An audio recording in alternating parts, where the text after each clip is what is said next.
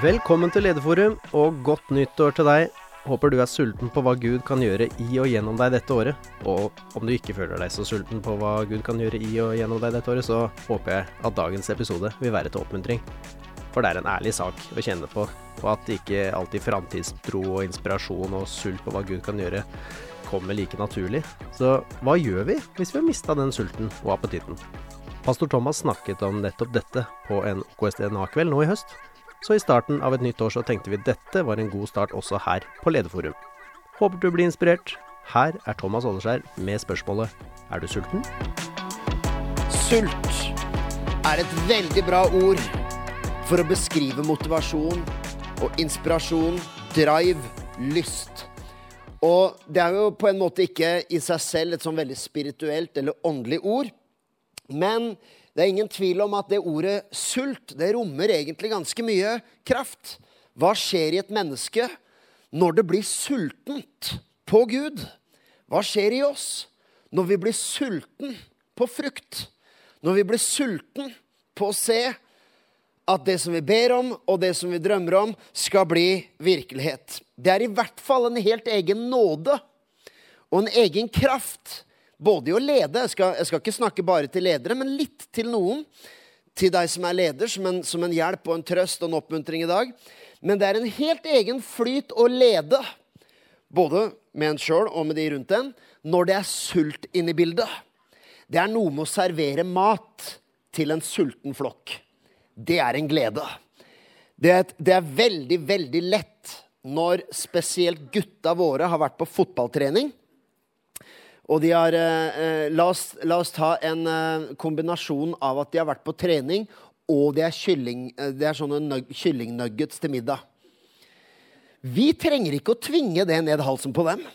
Det går av seg sjøl. Jeg skal faktisk si hvor, hvor, mange er det vi da, hvis vi er alle fem, og spesielt hvis gutta har vært på trening, og det er nuggets Jeg tror vi kan putte 60 stykker i ovnen uten at det er helt nok. Det er helt sant. Det, sånn, du, det hjelper ikke å kjøpe sånn svenskehandel tokilosposer. Det er et halv middag, det. Det er ikke tull. Men det er noe fint med det òg, da. At du trenger ikke tvinge dem. Du trenger ikke mase. Og må dere spise, da? Hva er galt med dere? Må spise og bli stor og sterk? Det går av seg sjøl. Det sklir ned. For de er sultne. Og det er godt. Det er egentlig det er hele andakten. Hvis vi er sultne, og det er godt, så kan vi forandre verden. Det er mye i kristenlivet, eh, for å ta det litt ned på bakken igjen, i menighetsliv, i lederskap, som koker ned til et spørsmål om sult. Kanskje til alle sammen, men ikke minst til deg som er leder. Har du lagt merke til den flyten som kommer i lederskap og i ansvar og i tjeneste når du bærer på en sult? Når du enten det er å rigge stoler eller dekke duker på et bord eller sette opp pepperkaker. De var veldig opptatt av at det skulle være kristne pepperkake, pepperkaker. Så de skulle egentlig lovsynge, da. Men det var sånn, eh, det var sånn halvveis worship. Sånn, eh, litt sånn Redding-aktig. Så det, det, er forskjellige varianter av å løfte hender i lovsang. vet Du Du har, du har jo den derre uh, Carry the TV. Og så har du widescreen. Og så har du, ja, det er forskjellige varianter av lovsang, men den her er, den er ganske fleksibel. Kan du bevege deg litt rundt. Og, Katrine har fortalt det ofte at når, hun var i lovsangen i sin tid. Og da eh, var hun i lovsangen sammen med Alice Mæland. Og det hun forteller, og som vi har det litt gøy med rundt bordet hjemme For Alice har jo da, er Alice her forresten? Hun er ikke det? Kjempebra. Eh, fordi hun har vært læreren til ungene våre, så de vet jo, Alice for dem er liksom læreren deres. Men eh, Katrine forteller i lovsangen at når hun lovsang, så både likte hun Hun var liksom veldig bevegelig med kroppen, litt, litt frem tilbake, og med henda. Så i løpet av en gudstjeneste så dulta hun borti Katrine 10-15 ganger. Og sikkert den andre òg. Monica ler. Du vet hva jeg snakker om. Du, har, du sto på andre siden. Lise sto imellom og egentlig bare har vondt i hofta ennå, de der etter Hva er det jeg skulle si? Pepperkaker. Hvorfor kom jeg inn på det? Jo, enten vi rigger stoler, eller vi setter opp pepperkaker. Eller vi jobber med tungt prosjektansvar, eller vi jobber med tungt budsjettansvar. Og sitter med mange mange medarbeidere og mange mennesker og eiendom. og Enten det er oppgave på gulvet eller tungt ansvar. Du verden hvilken kraft som kommer av å kjenne at det er sult der. når man mangler sult Og jeg har et ord til deg i dag også, for, for dette her er ikke bare et budskap om at alle burde være sultne.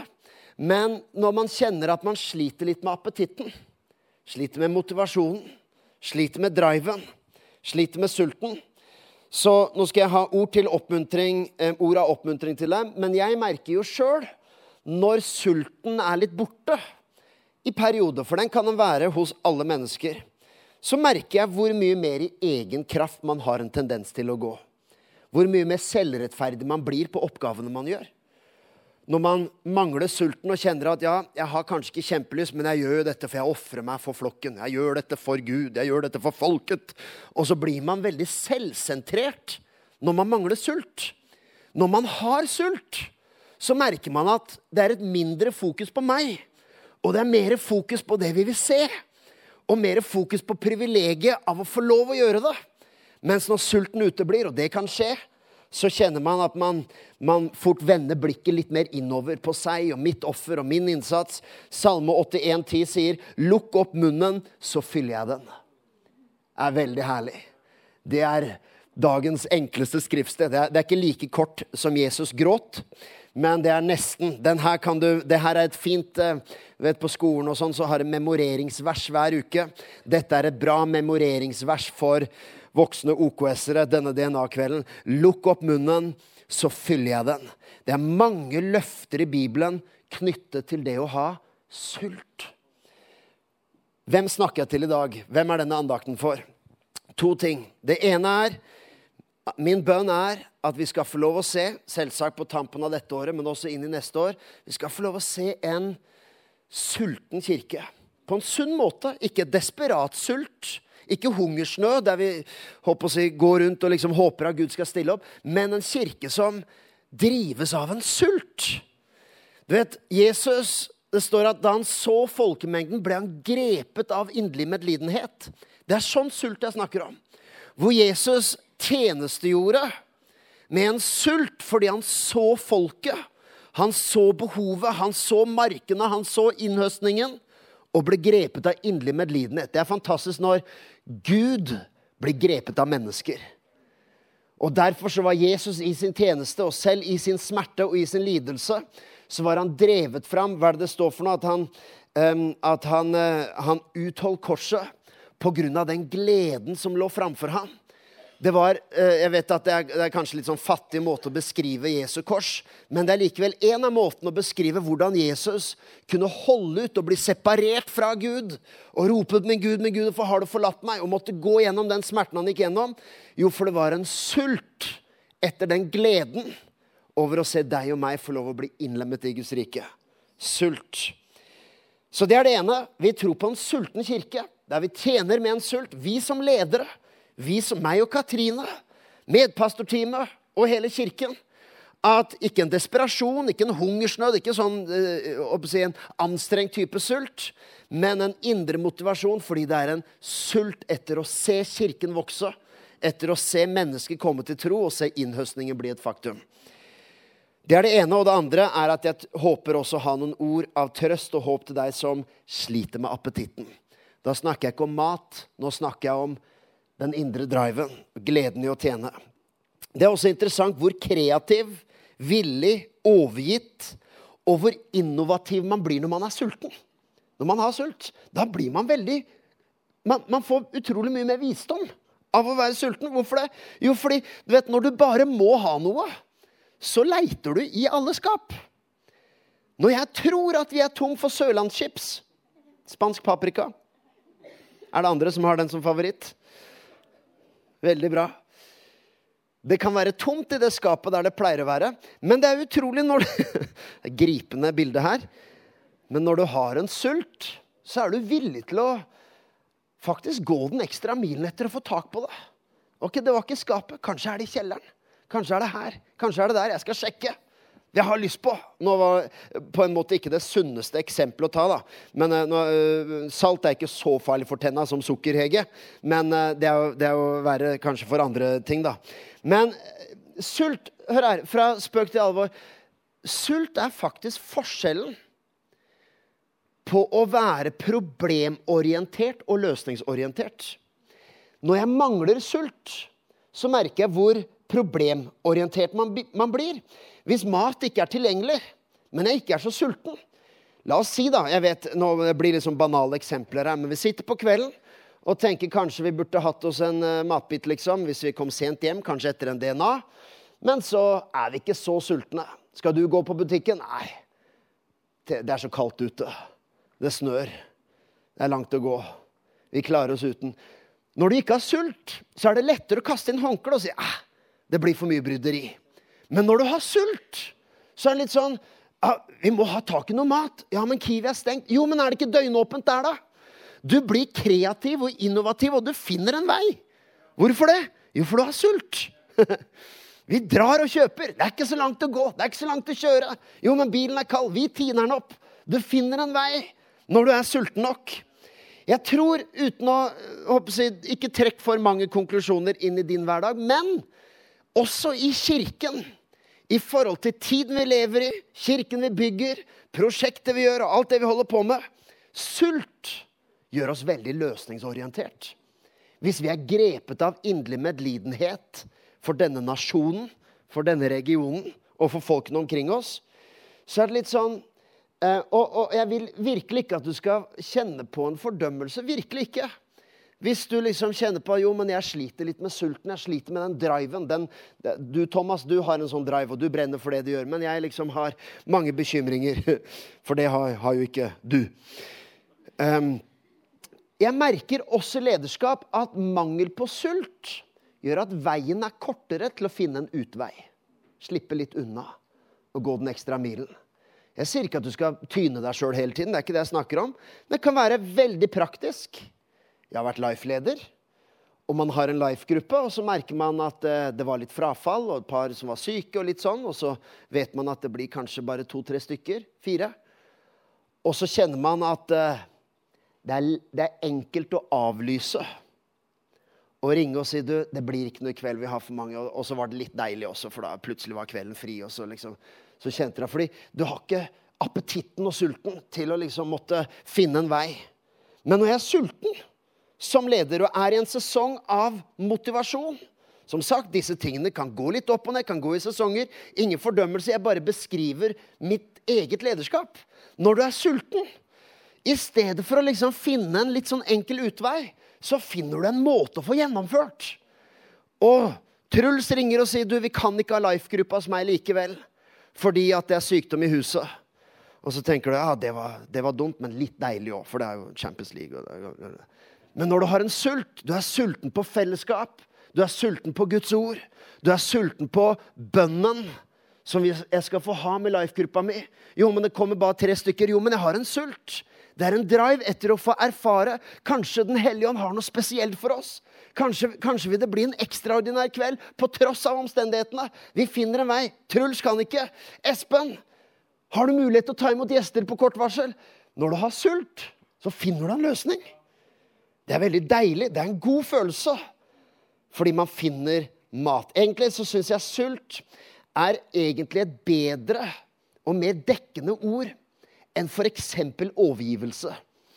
Og det å være helhjertet. Du vet, eh, det mangler ikke på prekener og andakter og forkynnelse om overgivelse. Det fins i rikt monn. Og jeg også. Men av og til så opplever jeg at forkynnere som preker om overgivelse. Dette gjelder ikke alle, feller ikke dom over noen.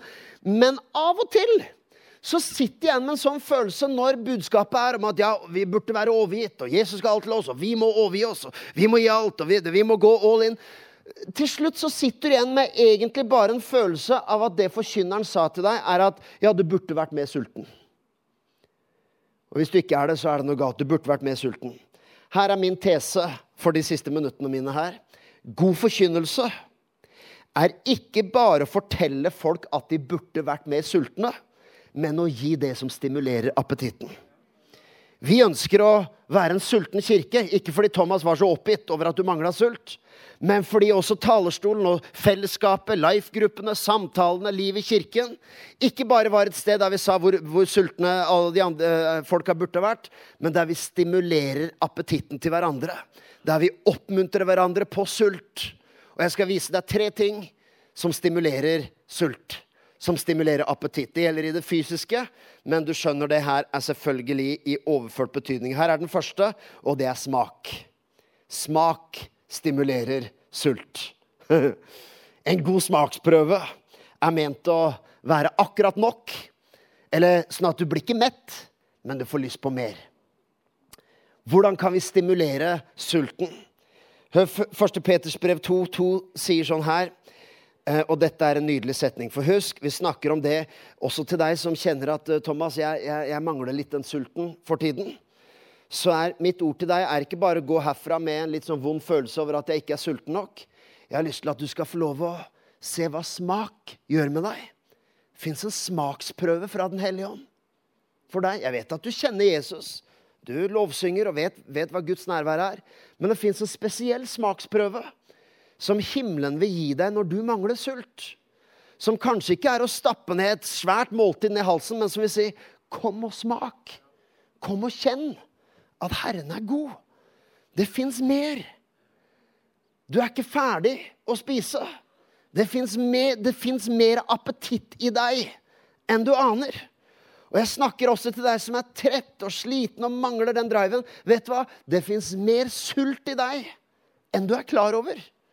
Men du må, du må få tak på en smaksprøve. 1. Peters 2,2, og det er, jeg skal fram til et poeng i dette verset som er, er, egentlig veldig bra. For det står som nyfødte barn skal dere lengte etter ordets uforfalskede melk. Der kunne vi hatt, uh, Den kunne vi snakka lenge om i seg sjøl. For at dere kan vokse ved den. Så så langt så står det at akkurat som en baby trenger på en måte melken. Og så snakker Paulus om fast føde. da. Typisk Peter. Snakker om melk. Men han snakker om lengselen etter å ville vokse, altså en sult på å vokse. Men så kommer det en liten betingelse her, som ikke alltid, når det verset er sitert, som ikke alltid kommer med. Man sier ja, som nyfødte barn skal dere lengte etter ordets uforfalskede melk, for at dere kan vokse ved den, så sant dere har smakt at Herren er god. Hva er det han sier? Jo, det er et lite forbehold. Han sier, 'Jeg vil at dere skal være sultne', sier han. Men kun hvis dere vet at det dere skal smake, er godt. Dere må vite Guds godhet for å kunne være drevet av sult. La meg si det, eh, konkludere det med mine ord.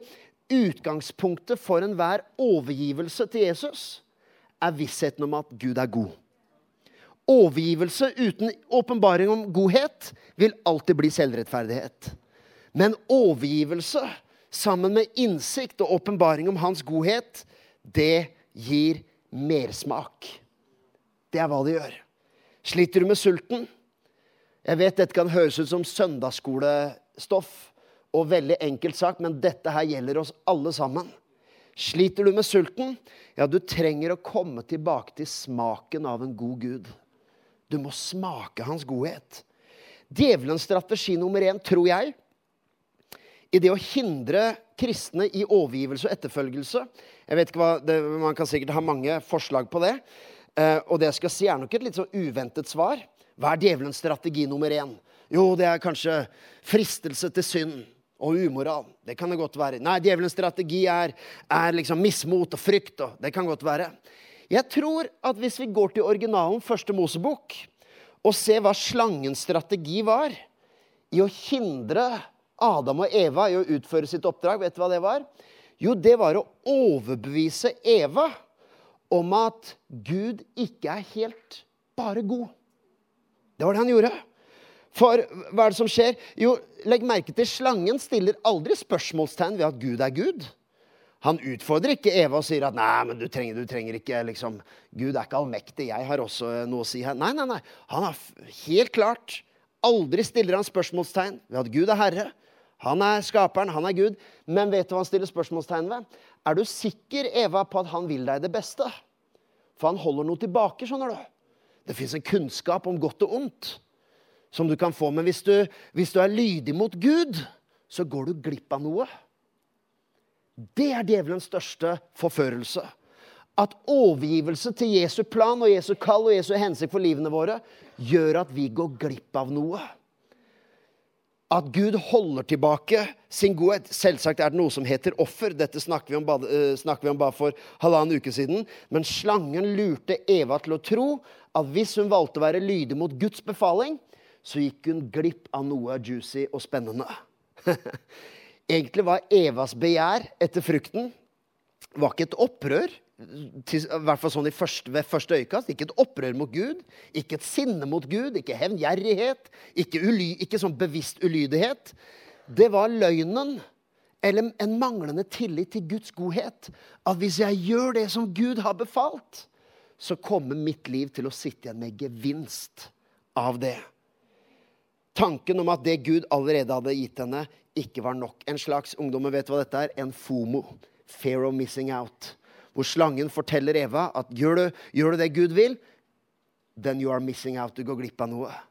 Derfor så sier jeg smaksprøven. Det, jeg vet at det blir øh, kanskje litt voldsomt voldsom med Adam og Eva og slangen og greier, men jeg, jeg, jeg opplever at det er så gjenkjennelig, spesielt når du sliter med sulten din.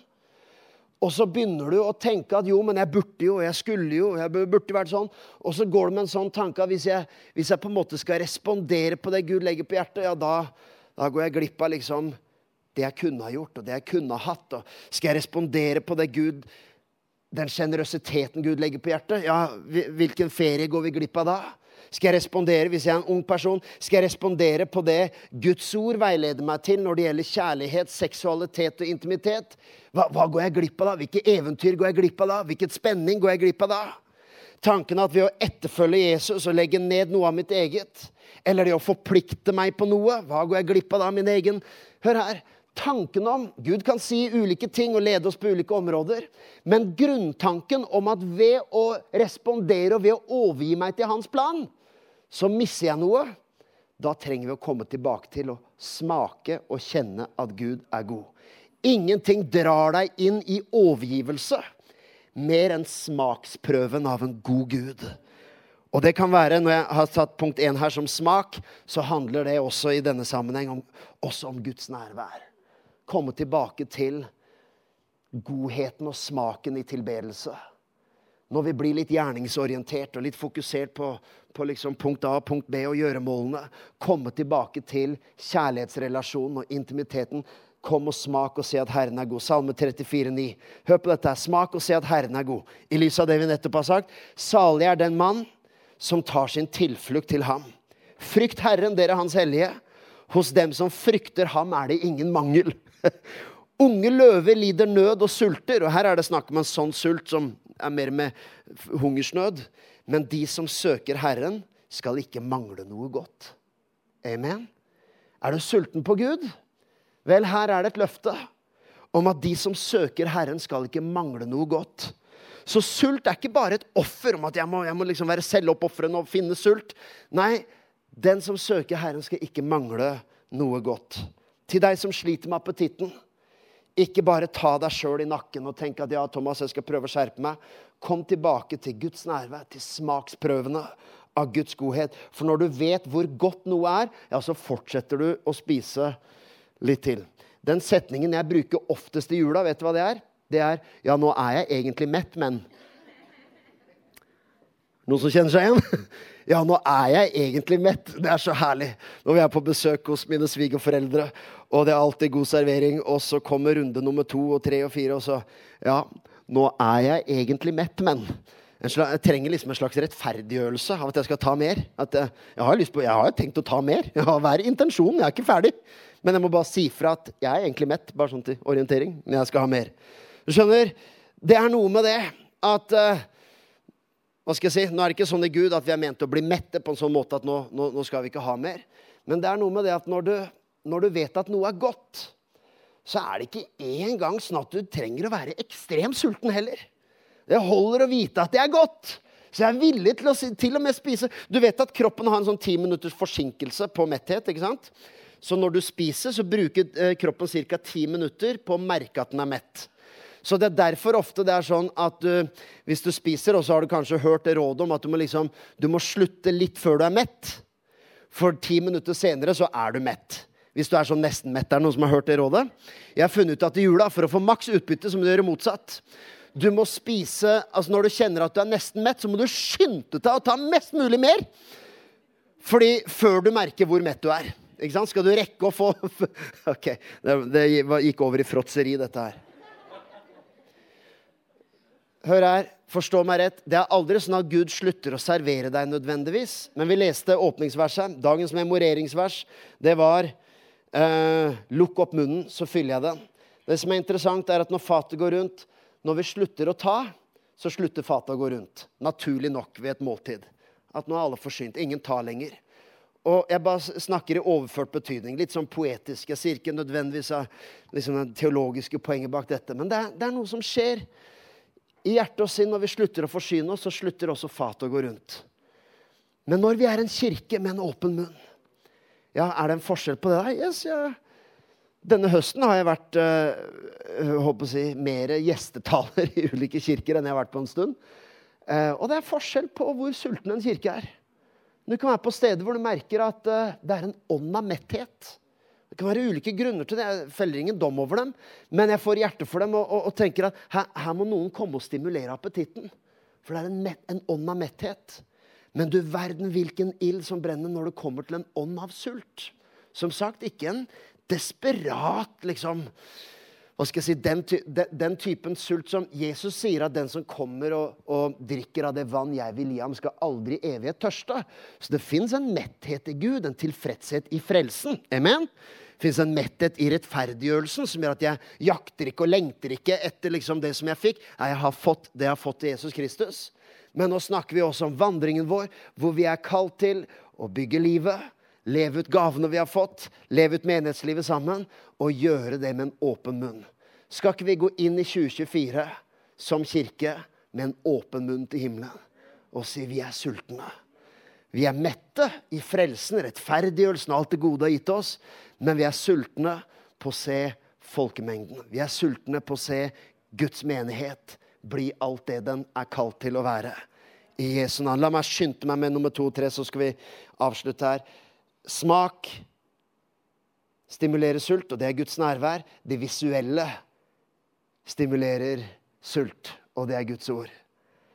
Salme 34 og 9, som vi leste, så legg merke til, for vi sa at smak og se at Herren er god. Men hvis du også legger fokus på se Smak, det er den vi har snakket om, og se. Veldig kjapt. Hvor mange vet at det gjør noe med appetitten og se at maten er godt tilberedt. Dette vet alle som jobber med mat, og også de som jobber i restaurantbransjen, at noe av halve eh, hva skal jeg si, opplevelsen er at det visuelle er bra. Ikke sant? Det, de, de skal smake bra, men det skal også se godt ut.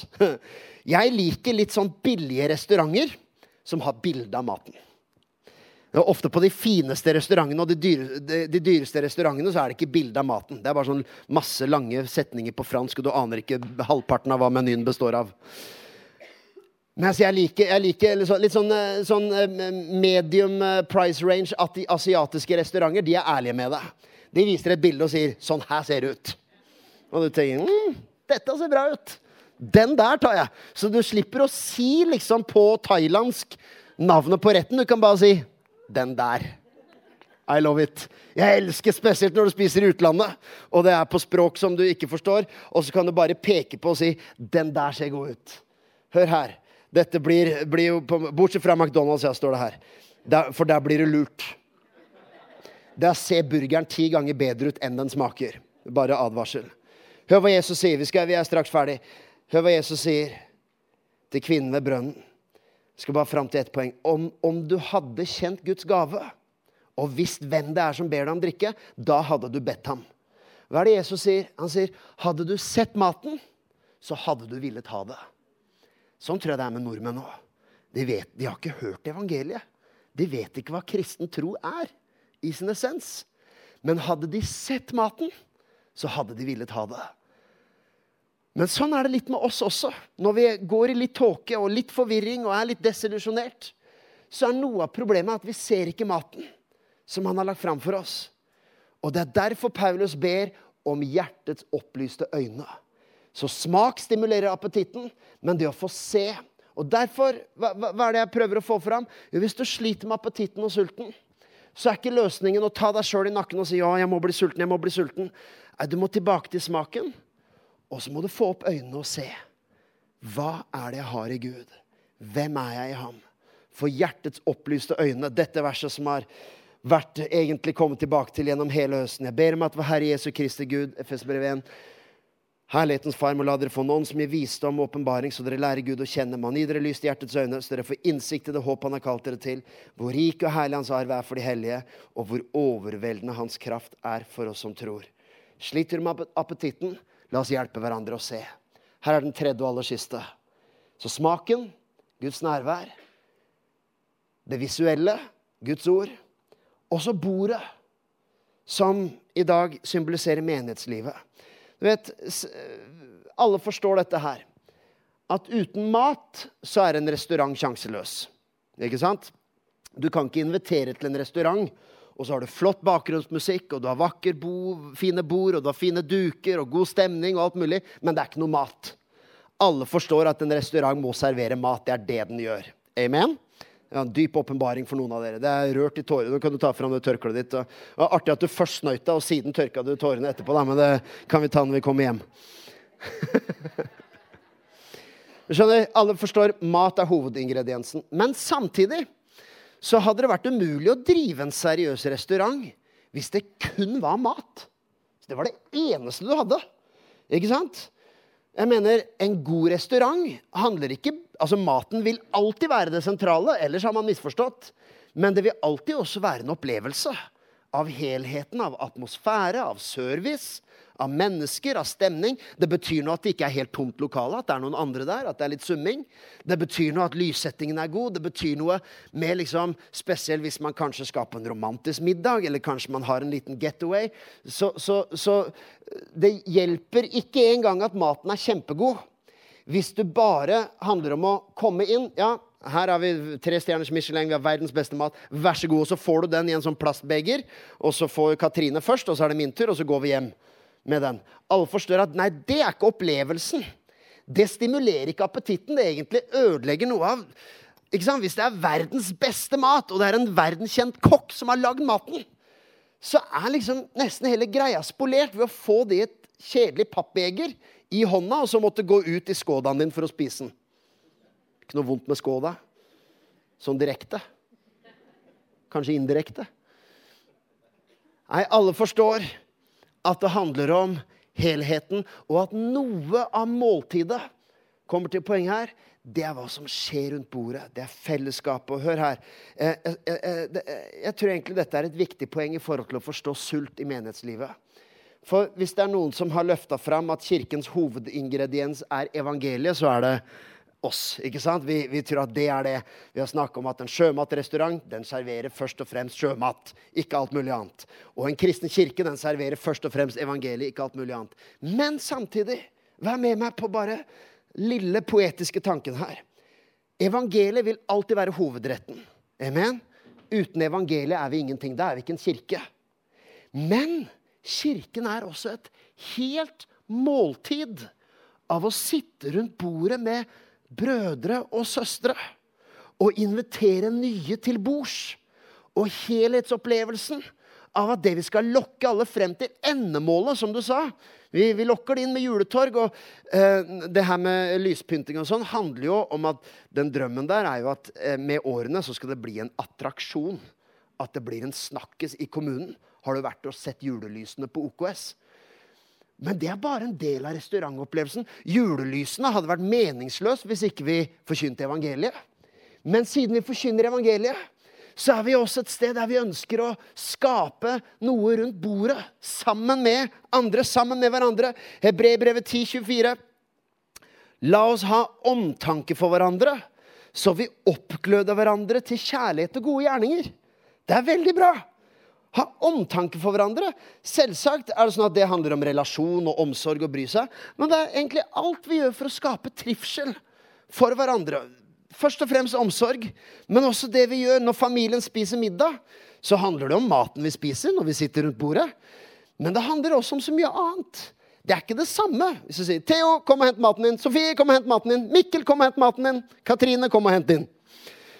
Her er, her er, det. Vær så god, kan dere sitte hvor dere vil. og Jeg, jeg spiser her borti hjørnet ved Mac-en min, og så snakkes vi. Nei, Alle skjønner at det å komme og sette seg ned, det er det at vi prater, vi tenner lys, vi dekker på, vi ler, vi spør hverandre spørsmål. Ja, vi skal spise, men så mye mer som skjer enn bare å mette en fysisk appetitt. Vi blir nysgjerrig på hverandres liv. Hva har skjedd i dag? Hvordan har du det? Hvordan gikk det på den uh, greia der? Hvordan gikk det på teater? Hvordan gikk det på fotballen? Hva skjedde når du, når, det vi ba om i går? Alle forstår at dette er en del av appetittvekkeren. Og det samme gjelder i kirken. Alt som rammer inn maten i trivsel, vennskap, gøy, farger. Lovsangere, dere må, dere må komme opp her. Det er ikke uåndelig, det er ikke ubibelsk å ha omtanke for hverandre. Jeg vet at dette er en selvfølge for mange, men jeg må likevel si det. For det er, det, det, er ikke, det er ikke det, store problemet i OKS. Men av og til så har noen mennesker har et syn på kirke og åndelighet og evangeliet som blir litt sånn purisme. Det skal være rent. Ikke sant? At alt annet, Man, man liksom lurer på hva, hva skal vi med tøys og tull og underholdning og all innpakning og alt det andre. Det er en del av måltidet, for søren er en del av bordet, er en del av serveringen. Det er en del av fellesskapet. Ja, Hvis vi bare hadde det gøy, og det ikke var evangelium, så ville vi vært ekstremt fattige som menighet. Men jeg er så glad for at vi også, Gud har gitt oss et måltid som ikke bare handler om å få spist, men det handler om hva skjer når vi spiser. Det handler ikke bare om å få høre en preken. Det er bra at du hører på YouTube, det er bra med podkast, men menighetsliv er mer enn bare å få fora seg med de ingrediensene. liksom. Jeg må få i meg noe karbo og fett og greier her, og så er jeg good to go. Det der er kjempebra å ha litt fastfood i farta, men du trenger ikke bare fastfood, du trenger noe hjemmelagd. Du trenger å sitte rundt bordet. Og nå, Dette var ikke noe antireklame for verken podkast eller YouTube, men det er en egen kraft som kommer av måltidet. Det som skjer når vi er sammen. Når vi responderer på hvordan smakte det. Hva smakte du? Hva hva var det i ordet som, eh, som traff liksom ganen din? Hva var, det, hva, var det, hva var, det, som du ble mest sulten på? Hva var det som mettet deg i din appetitt og i din hunger? Og aller siste bibelvers, det er verset etterpå. La oss ikke holde oss borte når menigheten eh, vår samles, som noen har for vane. La oss heller oppmuntre hverandre, og det så mye som dere ser at dagen nærmer seg. Noen henger seg veldig opp i den første. Pass på at vi ikke holder oss borte.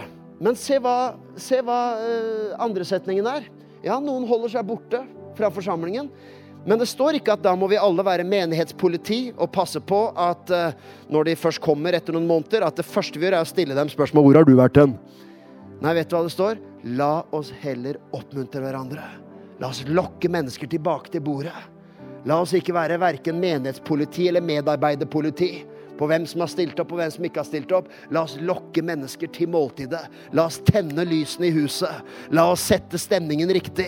La oss sette oss rundt bordet og spørre, grave, være nysgjerrige og gjøre kirken til et festmåltid der evangeliet er sentrum, ordet er sentrum, men det er også alt det som skjer rundt. Hør her. For deg som sliter med appetitten, og som kanskje har mista den litt. Kanskje noe har ødelagt sulten din. Kanskje noe har gjort deg litt kvalm.